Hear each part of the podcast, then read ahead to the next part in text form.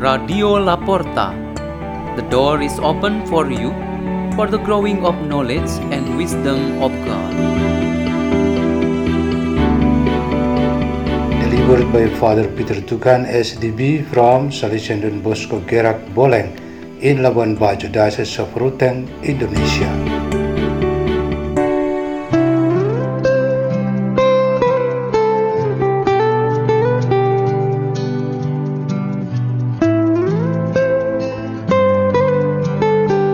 Reading and meditation on the Word of God on Friday of the 14th week in Ordinary Time, 14th of July, 2023.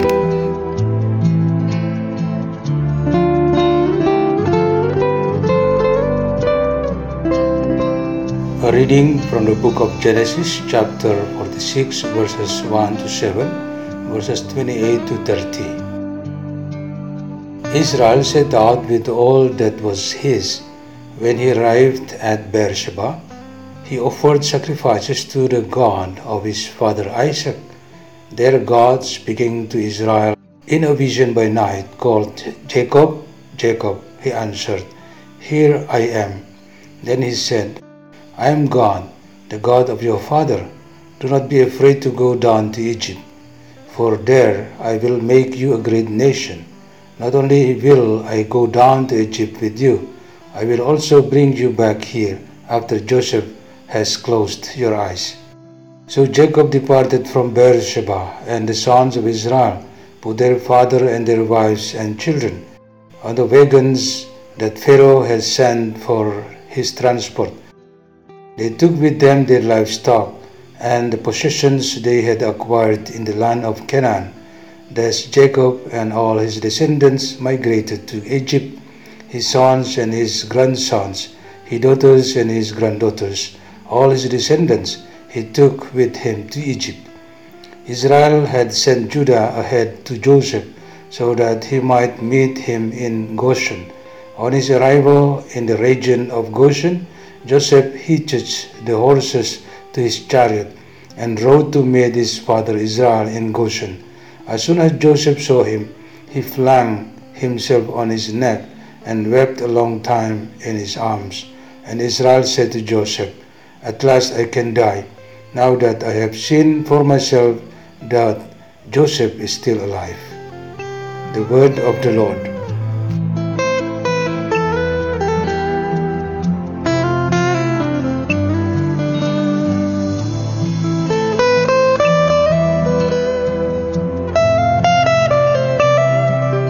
Our meditation today has the theme Be prepared for risk.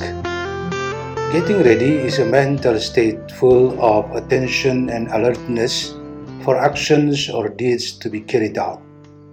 If the action is something normal, ordinary, and planned, readiness can be understood as something normal and ordinary. But if what is faced is a risk or danger that comes often unexpectedly, that readiness must be something extraordinary. The risks for Israel, Jacob's family in the land of Canaan, who decided to emigrate to Egypt, can be classified in readiness to face risk. The most serious thing was that they had to become foreigners in the land of people who did not believe in God, unlike them, and had to submit to being slaves under Egyptian rule after the death of Joseph. This risk is the same as accepting the reality of crawling on the ground to be trampled by people compared to living in the promised land of Canaan. Jesus gave a list of risks and dangers that were awaiting for his disciples because they had believed and used his name. The most serious thing was that they had to experience suffering and persecution like Jesus Christ experienced. This means they were to prepare to lose their lives. This risk is heavy and not to become a slave to any human being, but to become a servant of God. This risk is faced with preparedness, not for the fulfillment of physical needs or survival like the Israelites. This is the price of a call to follow Christ. Its real motivation is spiritual. Preparation for the risk is different from daring to face risk. Being prepared contains a spiritual power where a person is calm, optimistic, confident, and willing for whatever form of risk would be faced. If the risk is heavy and unexpected, he will face it with enthusiasm, willingness, and smile. If the risk is small, he does not underestimate or just relax, while the one who dares refers to the determination to react against the risk that will be faced. Even clash and conflict in words and actions easily occur between the opposing parties. As followers of Christ, we deserve to choose an attitude of being prepared, alert, and attentive because this is a priority. The scriptures always give us advice and commands to always be ready, alert, and attentive to God's signs. This attitude will be very useful if we are faced with the risk of every choice we make. Choices and decisions related to our faith and calling do have great risk, so we should be prepared to face them. Let us pray in the name of the Father, and of the Son, and of the Holy Spirit. Amen. In your power, O Father, enable us to face all forms of risk for choosing to side with you by following your Son, Jesus Christ.